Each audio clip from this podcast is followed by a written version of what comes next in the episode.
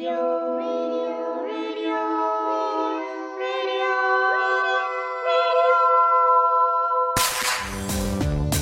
Perintis 93.1 FM, radio pilihanmu.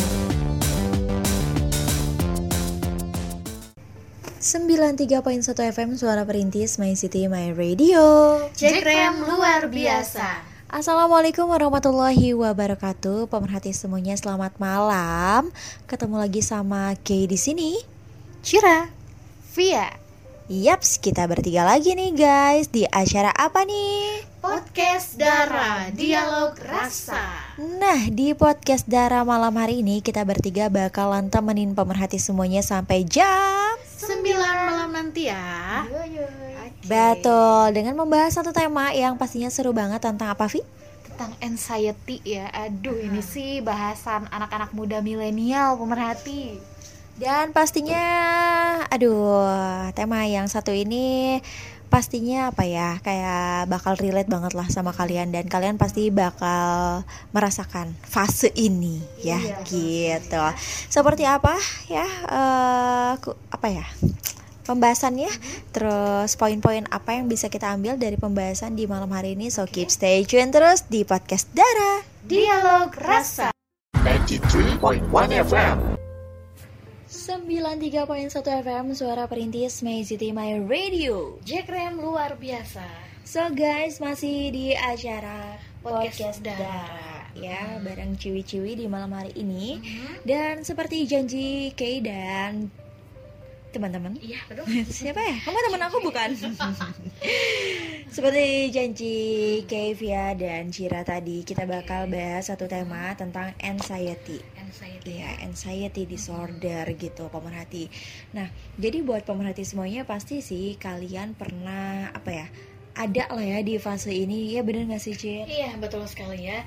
Pastinya semua orang adalah ya pernah ngalamin ataupun uh, ada nih di hari ini ataupun di saat ini sedang mengalami ya itu dia gejalanya memang wah ini panik banget gitu ya sampai-sampai uh Sampai gemeteran iya, gitu kan bisa jadi. gitu.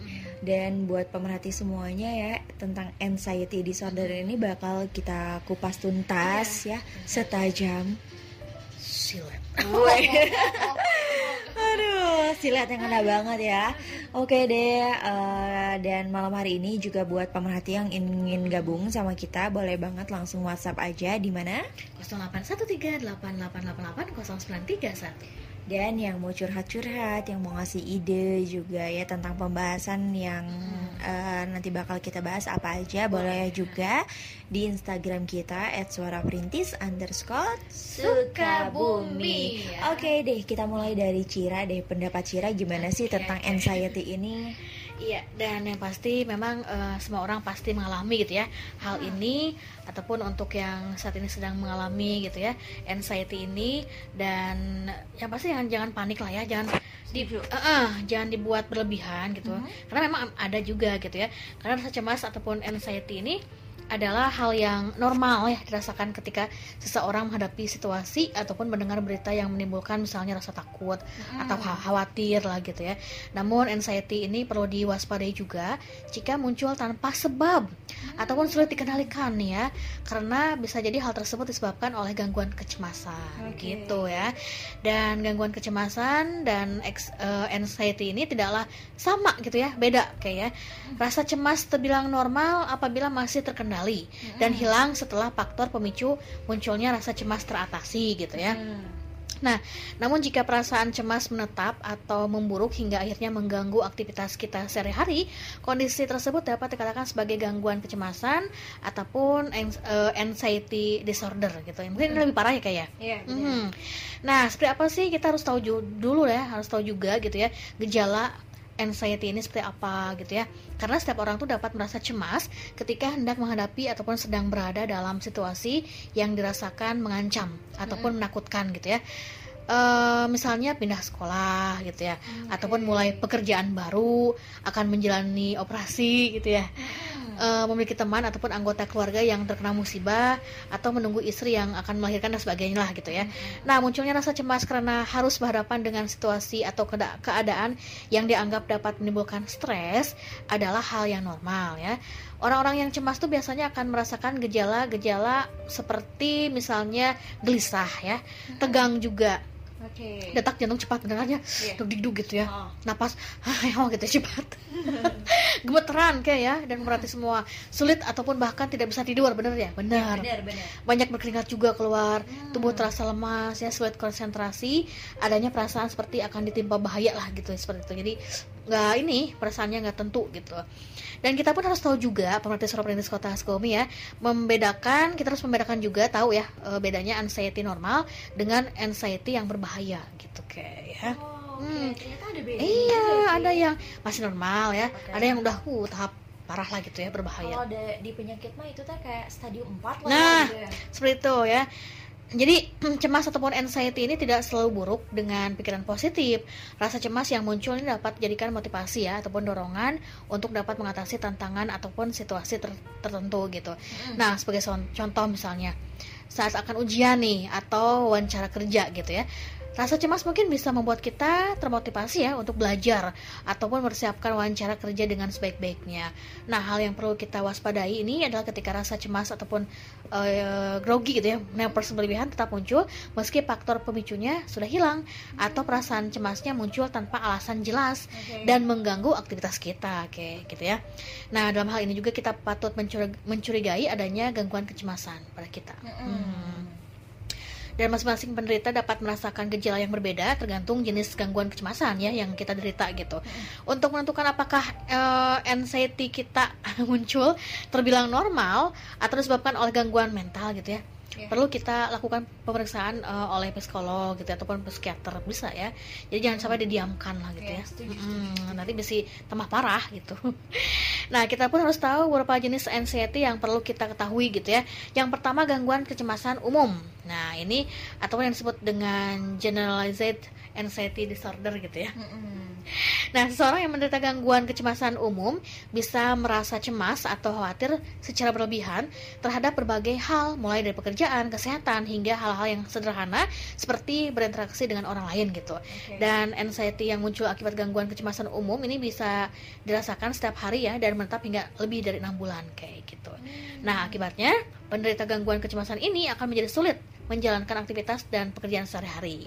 Selain munculnya rasa cemas yang mengganggu, penderita gangguan kecemasan umum juga dapat merasakan cepat lelah, tegang, mual ya, sakit kepala, sulit berkonsentrasi, sesak dan insomnia.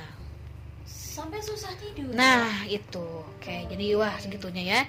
Tadi selain eh, gangguan kecemasan umum gitu ya, fobia juga ini masuk kayak ya, masuk dalam daftar.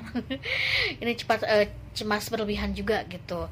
Dan orang yang memiliki fobia ini bisa mengalami serangan panik atau rasa takut yang hebat ya. Oke, ketika ya kan. betul ketika melihat suatu benda atau berada di tempat yang menjadi pemicu fobia itu sendiri gitu ya. Kalau kayak sendiri eh, fobianya apa nih?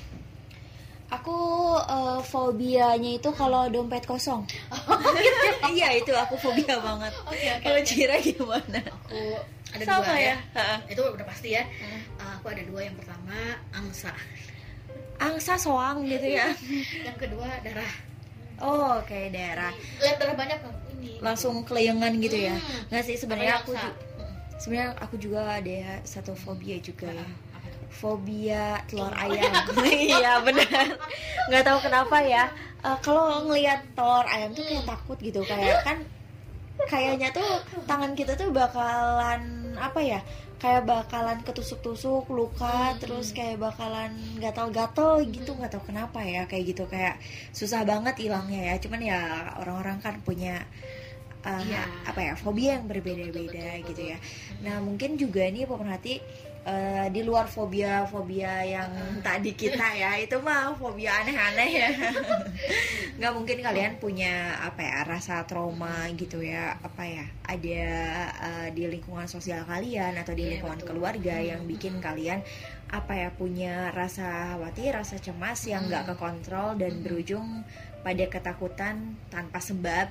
Nah itu kan bukan sesuatu yang wajar ya Cir ya. Betul. nah jadi itu bisa tergolong dalam eh, apa ya tanda anxiety Iya, gitu. betul betul oke Jadi buat pemerhati semuanya, kalian juga harus tahu ya tanda-tandanya supaya bisa itu eh, supaya bisa diatasi itu tuh Mm. gitu ya. Eh, kata Cira tadi benar ke psikolog atau ke psikiater Iya. ya kita harus datang ke mereka gitu untuk jangan dukun jangan jangan dong ya. Aduh beda kalau ke dukun beda lagi gitu ya. Nanti bisa-bisa dijampe-jampe terus disembur, Cir.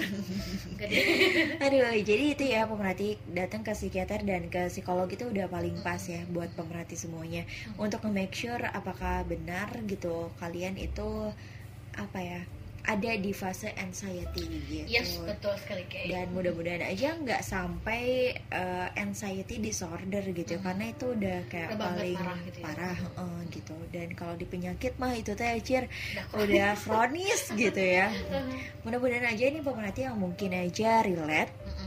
Sama tema pembahasan kita di malam hari ini Oke. eh, bisa bikin kalian lebih kuat, bisa Nah. bikin kalian lebih tercerahkan. Oh, ans- anxiety itu kayak gini ya. Mm-mm. Oh, anxiety itu ini ya, seperti paham itu. lah gitu ya. Benar, benar. Dan tadi juga ada beberapa poin yang udah Cira sebutin bahwa kita tuh eh, harus benar-benar mengelola ya, mengelola eh, perasaan khawatir yang kita punya di Iya, dalam diri kita supaya kita bisa mengontrol semua itu gitu. Jadi nggak ada rasa ketakutan yang bakal kalian rasain lagi gitu. Iya. Ih, seru banget ya Cir pembahasan di malam hari ini. Sebenarnya kayak agak takut gitu juga sih ngebahas tentang anxiety gitu ya. Tapi ini erat banget sama kehidupan kita sehari gitu. Bener, rela- relate banget gitu ya.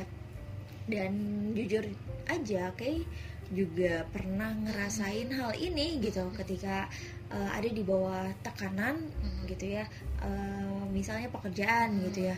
Wah, itu benar-benar bikin aku worry banget. Terus udah kayak gitu apa ya? Uh, udah bener-bener overthinking lah takut kerjaan yang nggak selesai takut kerjaan yang nggak di approve sama atasan kayak gitulah ya.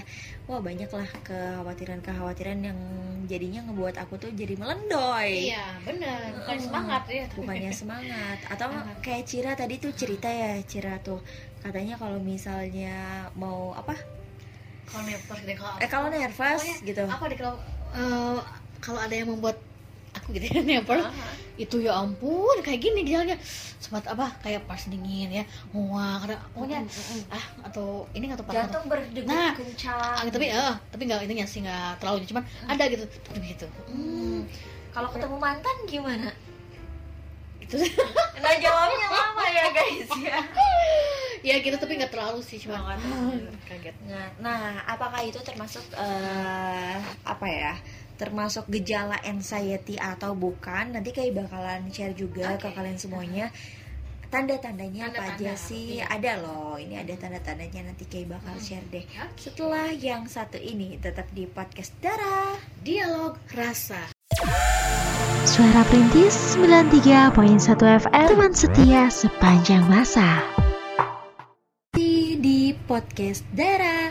Dialog rasa Uh, suara Cira di malam hari ini sangat merdu sekali guys ya. Gimana nih? itu di ini aja kita dibedu-beduin aja Oke, ya. biar kalian semuanya tambah semangat Benar. lagi ya. Aduh, jam 9 ini masih lama ya, pemerhatiku tercinta. Jadi buat kalian semuanya duduk manis aja sambil rebahan, sambil dengerin suara merdu kita berdua di malam hari ini di podcast Dara. Oke, back to laptop. Tadi kita ngebahas tentang anxiety Hmm. ya. Uh, terus tadi juga Cira udah ngejelasin gambaran Iya. anxiety itu kayak gimana sih terus kita tuh harus kayak gimana sih ya better sih kalian kalau misalnya udah ngerasain uh, gejala-gejala anxiety uh, harus pergi ke psikolog Mhm. pergi ke psikiater jangan pergi ke dukun. dukun. Ya jangan ya. Nah jadi buat kalian semuanya uh, pastinya pengen tahu dong sebenarnya anxiety itu ada nggak sih tanda-tandanya? Nah tentunya ada. Tapi nanti kayak bakal eh, bahas lagi setelah kayak mau bacain nih satu WhatsApp Iya. share yang udah masuk di curhat ya betul di 0813 88880931 ini dari eh, tapi dia nggak mau disebutin gitu sih namanya inisialnya A aja ya Aja. AA aja ya A. Mm-mm, katanya. Jadi eh, halo selamat malam kakak-kakak katanya. Ya selamat malam. Malam. Eh, ya. Eh, Oke langsung aja ya kak. Ini aku mau cerita. Jadi sekitar lima tahun yang lalu aku tuh kena eh, perasaan takut mati. Hah takut mati? oh my god Oh my god. Emang sih kadang Eh, ada eh, perasaan ada itu sih, ya. ya. Bener gak sih? Cira gitu Iya. gak? Ah, ya, ada gitu ya Eh, kok aku ternyata takut mati gimana nanti anak-anaknya pokoknya kan jauh banget nah, Ah, sampai ah. gimana sampai ke pikiran ya sampai mimpi buruk dan sebagainya pernah sih cuman eh, dipikir lagi ngapain juga kan gitu ya semua juga pasti mati gitu ya Iya, semua betul. pasti mati tapi kita ini kan harus bisa apa nih mengontrol diri juga kan gitu. Nah, setuju, setuju ya harus mengontrol diri itu adalah kuncinya. Oke, Iya. kita lanjut lagi ya dari inisial A ini yang dia tuh ngerasain perasaan takut mati yang ngebuat aku berbulan-bulan sedih dan gelisah. Sampai akhirnya ya sembuh dengan sendirinya. Dan juga eh, untungnya aku saat itu banyak baca tentang artikel keagamaan. Kalau yang di kalau yang selalu ingat mati itu ya artinya baik. Akhirnya aku tuh berdoa aja agar selalu ingat mati. Tapi akhirnya lama kelamaan itu ngebuat aku gelisah lagi gelisah lagi dan gelisah lagi. Sampai kepala aku tuh pusing berbulan-bulan keleyengan dan mata aku tuh apa ya kayak silau gitu kayak ngelihat cahaya tuh kayak silau kayak mau diambil kali ya Iya, gitu katanya. Akhirnya aku eh, datang tuh pernah ke rumah sakit mata. Ternyata mataku tuh nggak apa-apa loh kak. Malah aku tuh nggak perlu pakai kacamata. Dan dari hari ke hari aku tuh sering banget dihantui sama rasa sedih. Terus pikiran aku kosong mataku kosong dan takut banget sama hal-hal yang bakal menimpa aku. Sampai itu tuh sering banget ke bawah mimpi sampai aku mau tidur pun takut. Tuh nanti mimpi apa lagi ya? Aduh aku bener-bener takut. Terus apa yang harus aku lakuin? Aku juga sholat lima waktu tuh udah udah dilakuin. Zikir juga udah sering dilakuin. Duh kalau kalau- kalau menurut kakak-kakak aku harus gimana ya? Mhm. oke ya- jadi untuk siapa tadi? AA ya. AA ini sih untuk A sendiri eh, ya wajar lah ya takut Hmm. kayak ada perasaan takut mati atau gimana gitu ya. Eh, tapi untuk A sendiri kalau misalnya terus-terus diingat-ingat ya terus di apa ya, ditakut-takuti itu malah itu bisa membunuh apa ya eh, diri A sendiri gitu ya dengan pikiran atau perasaan A sendiri gitu. Jadi istilahnya oke lah normal ya kita takut. Tapi di samping itu kita ya eh, istilahnya jangan terlalu ini ya terlalu khawatir banget gitu ya. Iya. kita ya pokoknya ini aja deh eh, pikirkan ke depannya seperti apa gitu kan. nah karena kan eh, kita juga mungkin eh, kalau misalnya kayak A tadi takut terus takutnya dikasih apa kayak rasa gelisah itu gimana kalau dipanjangkan umurnya? Kan jadi itu ya semakin parah. Jadi intinya jangan sampai dibuat apa ya dipikirin ah cemas dan juga dipikiran terus gitu ya. Nanti A-nya sendiri jadi tak jadi sakit gitu ya seperti itu. Jadi sakit malah sakit ataupun bisa jadi parah gitu ya. Kalau Iya. terus diingat-ingat Iya benar dan itu bakal menguras eh, energi dan juga pikiran kalian eh kalian AA sendiri gitu ya. Iya maksudnya contoh juga buat pemerhati yang lainnya juga kalian jangan sampai kayak gitu. Sebenarnya ya keadaan cemas, gelisah dan pikiran yang takut yang AA alami itu kalau kata Kay sendiri sih itu eh, apa ya kondisi yang umum terjadi gitu ya sama setiap orang. Kalau misalnya eh ter- dibilang termasuk ke gejala anxiety itu bisa bisa jadi karena eh, kalau rasa takut, gelisah, cemas yang AA alami ini kayak udah ngeganggu fungsi hidup sehari-hari kayak misalnya tadi tuh mimpi buruk, rasa sedih, kosong, kayak misalnya ada yang ganggu seperti yang AA ceritain tadi ya better sih eh, AA sendiri apa ya memeriksakan kondisi ke dokter Iya. spesialis gitu ya. Hmm, kalau kayak ingat-ingat sih sebenarnya ada sih kalau nggak salah dokter spesialis psikiatri SPKJ gitu ya Cer ya jadi kamu bisa datang ke situ kalau menurut Kay supaya bisa ditentuin juga secara pasti kondisi apa sih yang lagi alami. Bener banget. Mm-mm, setelah dilakukan pemeriksaan lebih lanjut apakah kamu eh, masuk ke dalam gejala anxiety atau enggak? Atau mungkin karena kecapean juga bisa ya Cira iya ya? betul sekali ya. Mm-mm. karena juga ada juga kasus seperti AA itu ya. Pernah gitu ya Cira juga pernah dengar gitu ya. Ada kasus seperti AA yang mana ketakutannya gitu ya banget lah gitu ya parah banget. Tapi ya takut mati itu gitu ya. Sam- oh, sampai kepikiran tiap detik kayak gitu gimana nanti aku katanya ini apa ah di ini deh di iya gitu gitu pisan ya. gitu ya. Sampai akhirnya apa coba kayak nggak bisa kontrol diri ya gitu kontrol diri. Jadi akhirnya dia makan racun.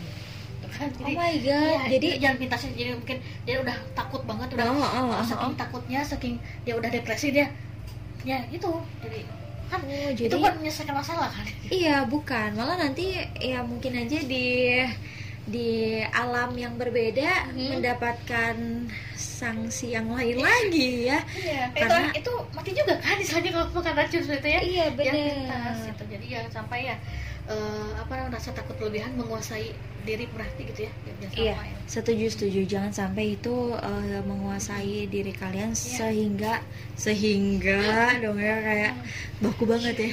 Ya jadi itu tuh eh, bisa bikin kalian kalah. Hmm. ya kalah sama eh, apa yang ada di pikiran Iya, kalian betul gitu. sekali. kalau menurut kalian sendiri sih kalau em, misalnya nih pemerhati udah kayak ada kerasa oh ini kayaknya ada gejala anxiety nih gitu ya. Kalau kata Kay sih eh, untuk ngatasin itu terus apa ya cemasan lah Iya, ya. ya. Eh, bisa periksain diri ke spesialis psikiater Hmm. psikiatri gitu ya. Terus bisa apa ya berusaha untuk menepis lah ya pikiran negatif sama logika logika yang positif. Jadi Nah, jangan itu dia. Hmm, kita tuh overthinking Cir Hmm. makanya tadi tuh kan yang Cira bilang Mm-mm. kebanyakan overthinking ketakutan diselimuti rasa cemas Iya. yang berlebihan eh, pada akhirnya eh, melakukan hal-hal yang tidak Nah, diinginkan iya betul jadi gitu jangan pintasnya itu dia tadi ya pengen jadi pengen nggak ada beban mungkin ya nggak ada beban dalam dirinya itu makan apa. Racun oh, aku aduh aduh Minum. jangan kayak gitulah ya itu adalah hal yang sangat tidak terpuji ya pemerhati Iya. Jangan sampai kalian melakukan hal-hal yang dilarang juga oleh agama kayak gitu ya mendingan untuk mengatasi rasa cemas yang kalian lagi rasain sekarang banyakin aja olahraga rutin iya seperti ya Mm-mm. bisa kegiatan yang positif juga mungkin bisa mm, apa supaya bisa lupa ya dengan eh, rasa-rasa itulah Benar, gitu. setuju. Dan juga bisa mengalihkan ke apa ya? Aktivitas yang kamu suka tuh apa gitu Mm-mm. untuk ngalihin fokus dari kecemasan. Nah, Misalnya yang suka main musik ya dicoba main Mm. musik bareng sama teman-teman yang sukanya. Hobi apa gitu ya? Hmm, bisa. bisa. Yang sukanya ngafe ya tinggal ngafe gitu ajak teman-temannya. Itu tuh untuk ngalihin fokus dari kecemasan yang Iya, kalian rasain gitu. Nah terus juga kalau misalnya kalian emang lagi nggak mau ke mana-mana ya kalian bisa meditasi di rumah. Kayak misalnya yoga atau enggak benar-benar fokus ibadah untuk nenangin pikiran gitu ya jadi apa ya dia misalnya di atas sejadah wes Ya, di atas sejadah gitu ya kalian eh, benar-benar merenungkan apa yang udah kalian rasain sekarang terus kalian cari problem solve-nya gitu. Kira-kira aku tuh harus kayak gimana ya? Pastinya kalian bakal dapat pencerahan gitu. Iya, dan betul juga kalian harus eh, merapat lagi ke keluarga dan ke sahabat-sahabat biar dapat apa dapat support gitu jadi jangan sampai kalian ngerasa sendiri nobody care about me Nah, gitu aduh betul ya. jadi, kalau kebanyakan sendiri sih nanti eh, pikiran itu bahkan sering muncul gitu kan Betul. Eh, maksudnya ya rasa kecemasan itu ya Iya. rasa, rasa takut dan sebagainya gitu. Iya, nah jadi eh, a- harus berusaha apa ya eh, dapetin support lah ya dari Mm. keluarga dan sahabat iya eh, betul mengenai kondisi kalian sendiri gitu. Jadi jangan sampai dipendem gitu ya.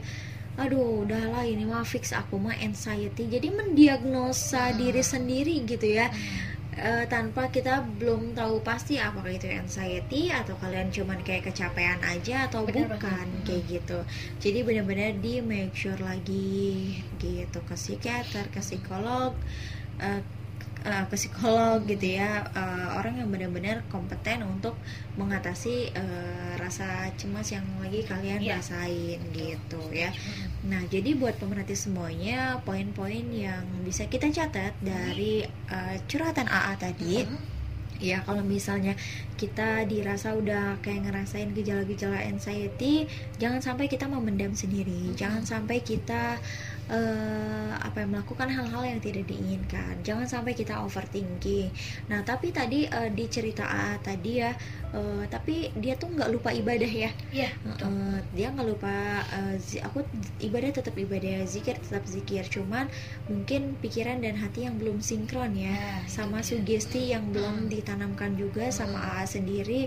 Kalau AA tuh harus benar-benar kuat gitu jangan sampai pikiran yang negatif kalah. Iya. Heeh, gitu.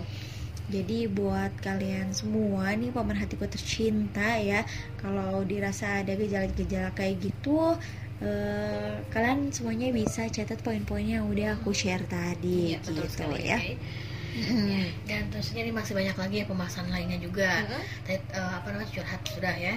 Mungkin ta- nanti ada tanda-tanda juga ya. Sebenarnya apa sih tanda-tanda dari orang yang terkena anxiety ini gitu. Oke. Oke deh pemerhatiku ya Kita bakal kupas tuntas lagi Sampai jam 9 So keep stay tune terus Masih di podcast Dara Dialog rasa. 93.1 FM. 93.1 FM Suara Perintis My City My Radio Jekrem luar biasa. Luar biasa banget pemerhatiku tercinta ya Masih di podcast Dara Dialog rasa. Dara gitu ya Daranya harus gitu ya.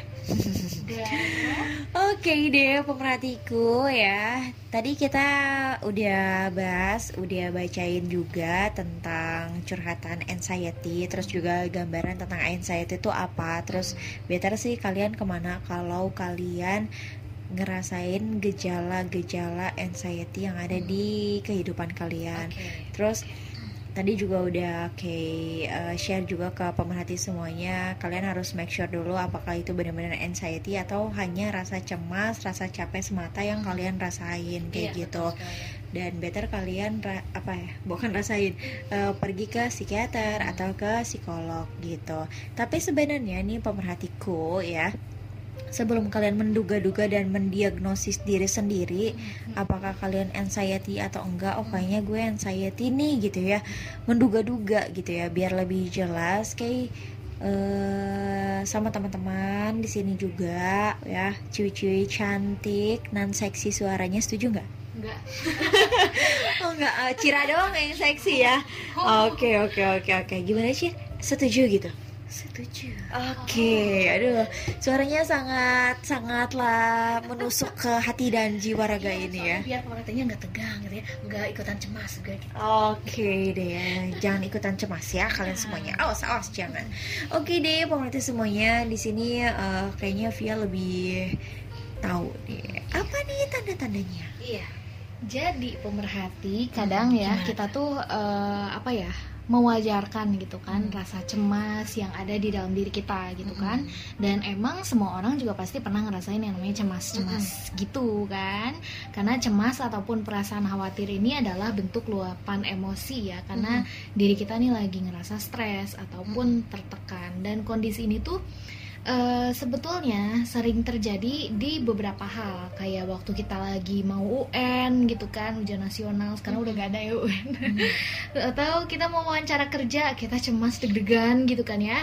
Atau kita harus ngasih sebuah keputusan penting yang melibatkan banyak pihak. Pasti rasanya tuh deg-degan cemas gimana takut salah pilih gitu kan. Walaupun begitu rasa cemas yang kita alami ini tetap harus kita perhatikan juga nih. Karena perasaan khawatir yang nggak bisa kita kontrol itu bakal berujung sama ketakutan tanpa sebab dan itu bukanlah sesuatu yang wajar pemerhati. Bisa jadi pemerhati ini sedang mengidap eh, anxiety disorder itu tadi gitu kan gangguan kecemasan Iya betul. yang sebetulnya dia juga terbagi ke dalam tiga jenis Mhm. gitu kan ada gangguan kecemasan sosial gangguan kecemasan menyeluruh atau gangguan panik gitu nah tanda-tandanya itu bisa jadi di pemerhati kalau misalnya apa ya pemerhati merasakan yang namanya gangguan kecemasan sosial, ya ini tandanya muncul ketakutan gak wajar pas Mhm. lagi interaksi sama orang gitu ya. Oke. Aduh, aduh, kumaha ieu diajak ngobrol sama Mhm. Cira misalnya. Wah, nepes banget ya. Nepes banget. Ras tiris. Eh, utah. Pengen mual gitu ya maksudnya. Mm-mm. Jadi pengingat eh pengingat pengidap pengidap gangguan kecemasan tipe ini tuh sering ngalamin rasa takut ataupun rasa malu yang berlebihan dan itu bikin mereka takut untuk bertindak gitu kan. Ada juga yang tadi tuh namanya gangguan kecemasan menyeluruh. Oke. Jadi ini tuh apa ya tanda-tandanya itu karena pengidapnya itu bakal ngerasa cemas dan takut berlebihan dalam jangka waktu yang lama. Jadi kayak dia tuh nggak tahu hal-hal apa yang bikin dia cemas, tapi dalam kurun waktu yang lumayan lama dia cemas gitu ya.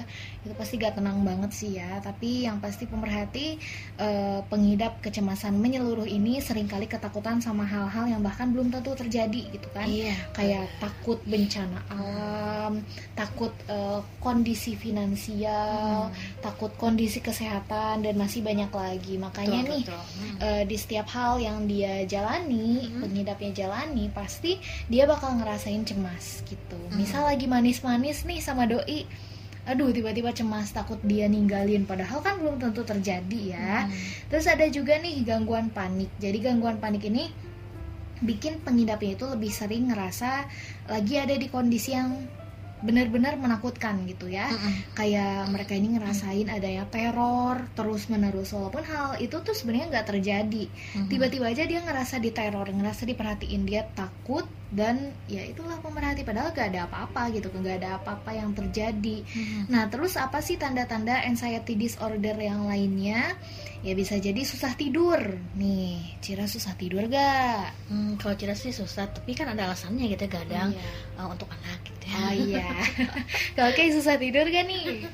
Eh, susah susah tidur kalau ada hal-hal yang mengganggu pikiran misalnya eh, apa ya kayak itu suka gini loh jadi eh, misalnya nih ya eh, kayak beraktivitas dari pagi sampai sore. Nah nanti pas mau tidur kayak itu selalu eh, ngebayangin eh, kayak nge-flashback lagi gitu loh. Iya. dari pagi aku ngapain aja ya? Aku ngobrol sama siapa aja ya? Aku ngomong apa aja ya dan ih kayaknya itu salah deh. Kayaknya aku harus harusnya nggak ngomong kayak gitu deh. Ih kayaknya aku harus aku nggak harus ngobrol sama orang itu deh. Kayaknya aku salah deh. Oke deh besok aku nggak bakal kayak gitu lagi.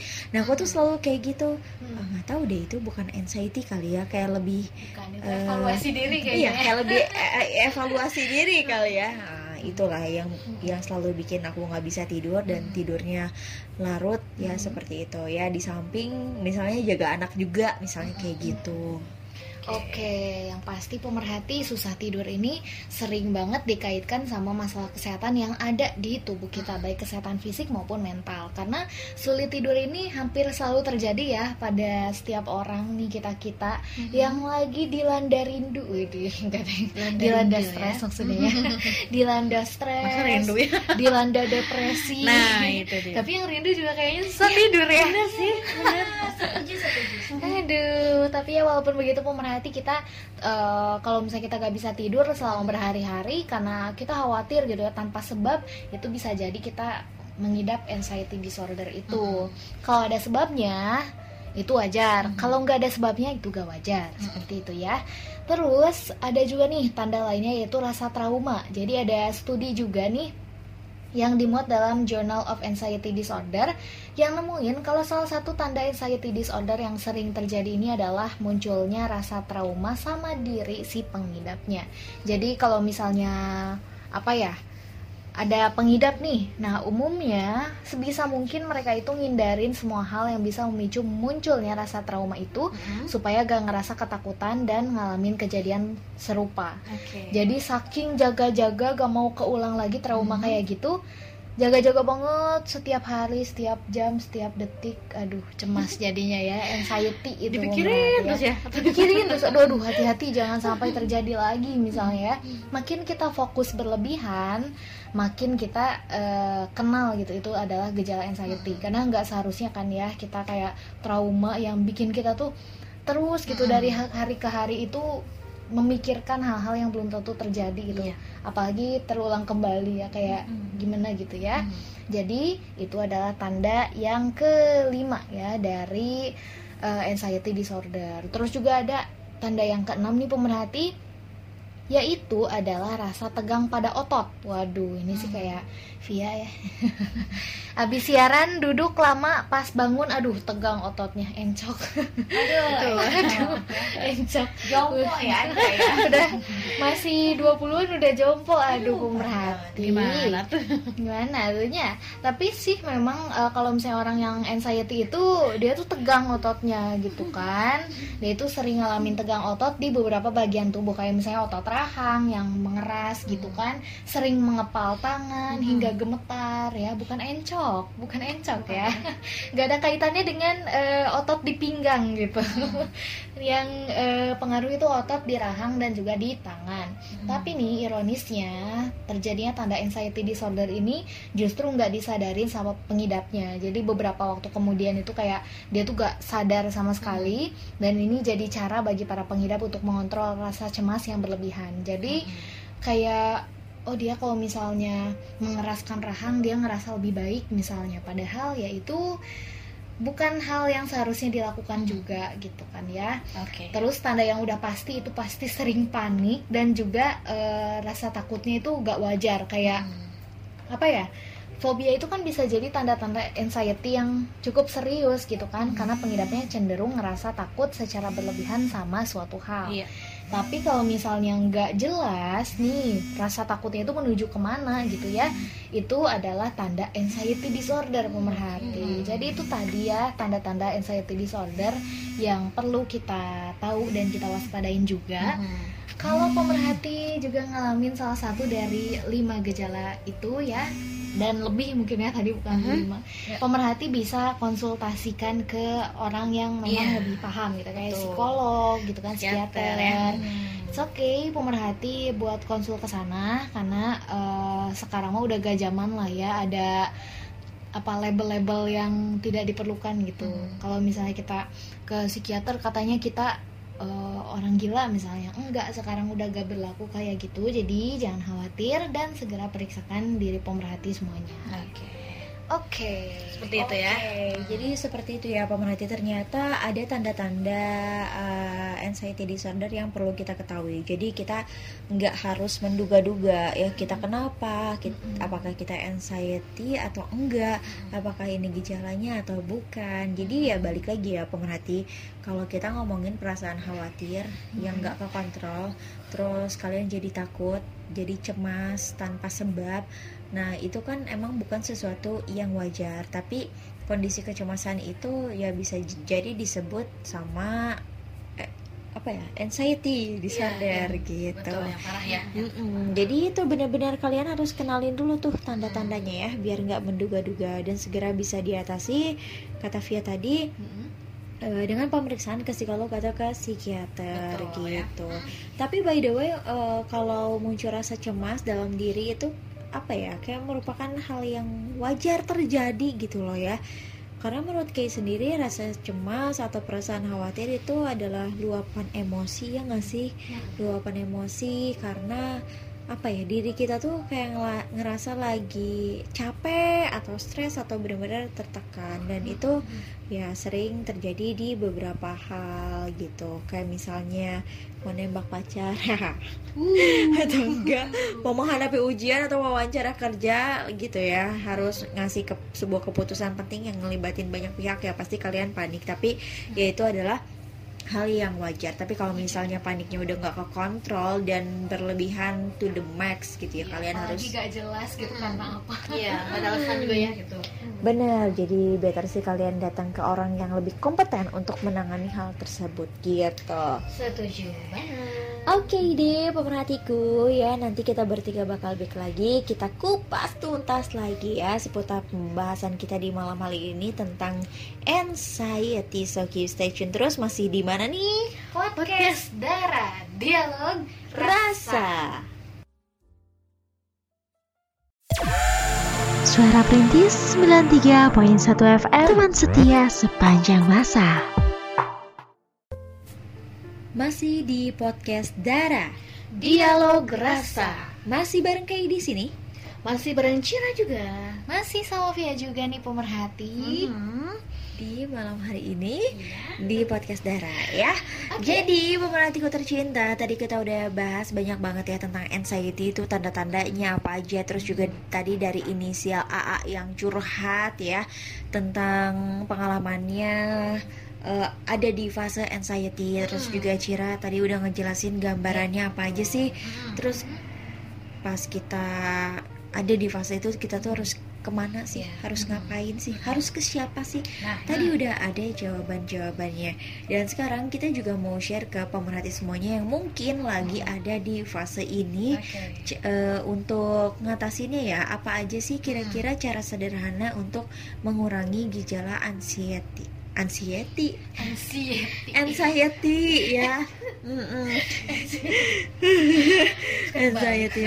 Oke ya.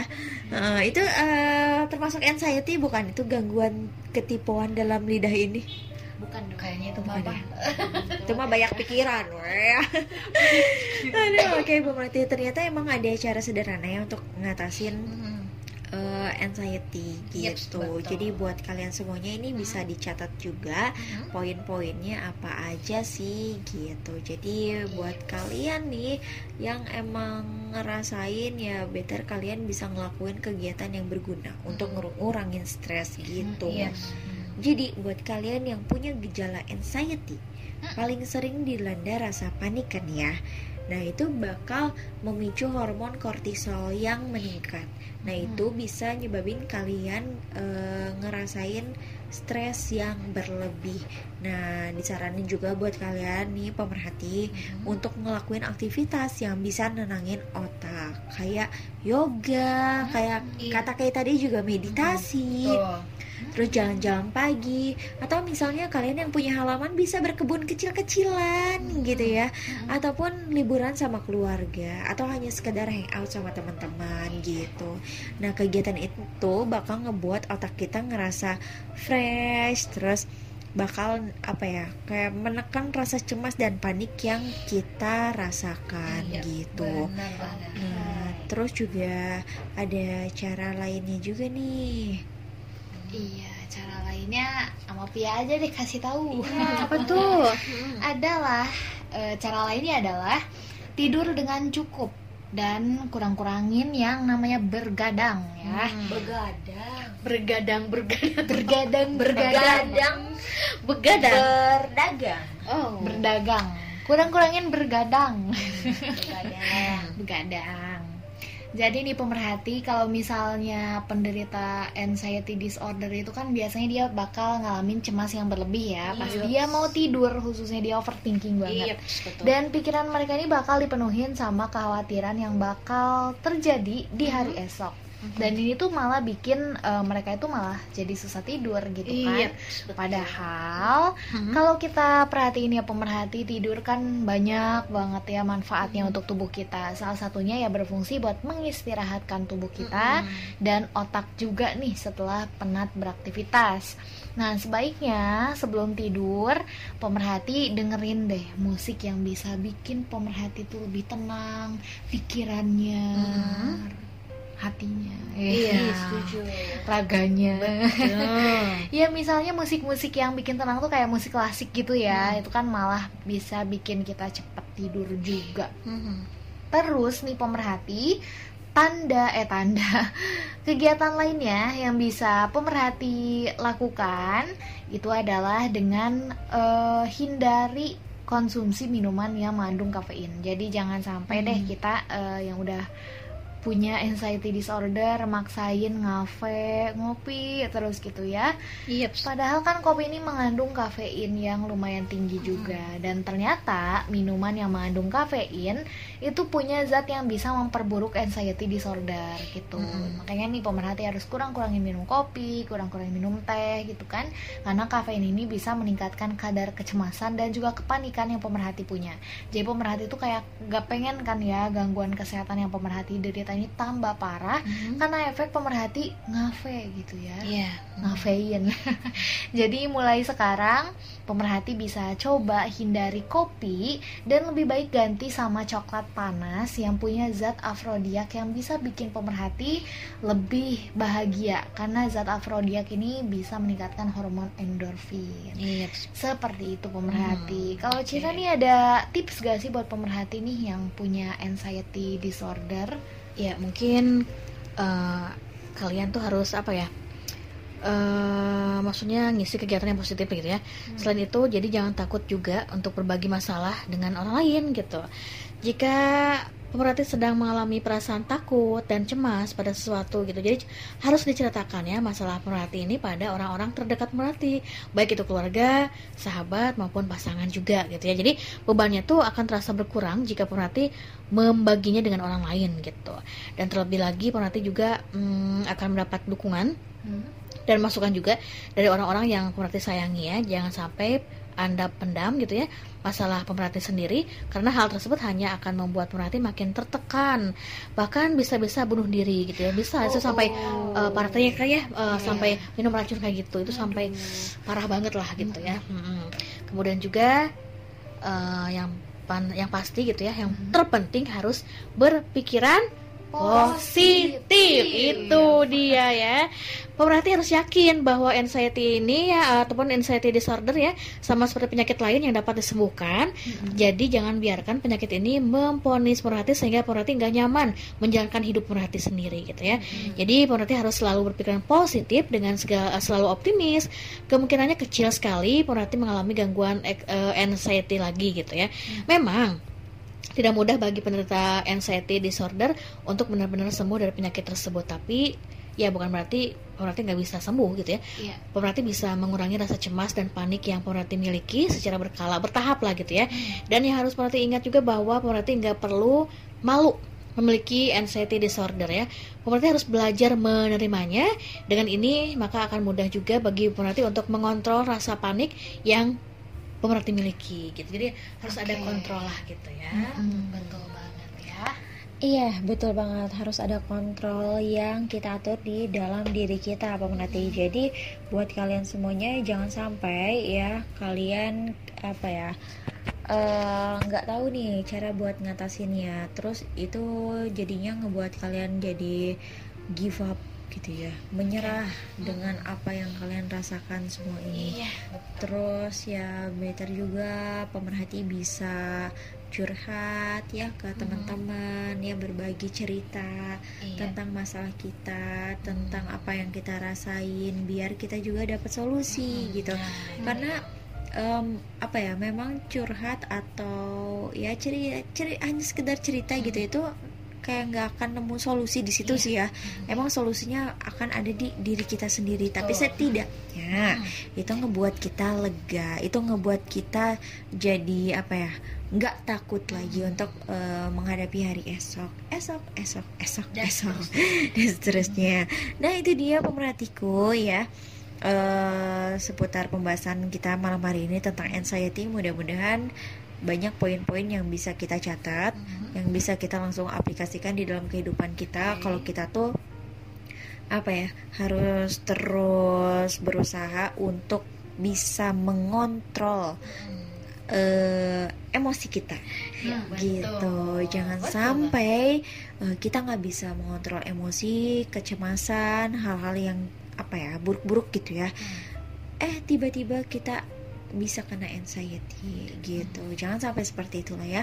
Pokoknya semangat eh, buat kalian semuanya yang mungkin lagi ada di fase ini. Jangan sampai kalian gak semangat. Jangan sampai kalian menduga-duga juga apakah kalian lagi anxiety atau enggak gitu ya. Coba datang ke orang yang lebih kompeten yang bisa eh, mengatasi apa yang kalian rasakan sekarang ini gitu. Entah itu ke psikiater atau ke psikolog gitu deh. Oke deh pemerhati semuanya ini hampir pukul 9 juga ya. Oke dan teman-teman di sini Via dan juga Cira mengucapkan terima kasih kepada inisial AA juga yang tadi udah curhat. curhat gitu ya. Dan bagi pemerhati yang mau ngasih ide ataupun apa ya ngasih Saran tema. saran tema gitu ya. selanjutnya gitu ya. Ya untuk tema pembahasan kita selanjutnya boleh banget langsung WhatsApp di mana Syir 0813880931 atau di Instagram kita di mana Vi? At suara perintis underscore Sukabumi. Oke deh pemerhatiku ya itu dia ya ditunggu banget ide-idenya dan pastinya nanti bakal kita eh, sampaikan langsung ke kalian semuanya apa nih ide ide yang bakal kita bahas di episode selanjutnya ya. Oke deh pemerhatiku ya em, udah hampir pukul 9 nih sedikit lagi beberapa me- beberapa detik lagi ya. Artinya kayak harus pamit. Via juga harus pamit. Syira juga pamit Sampai ketemu di podcast Dara minggu depan. Wassalamualaikum warahmatullahi wabarakatuh Jekrem. Luar biasa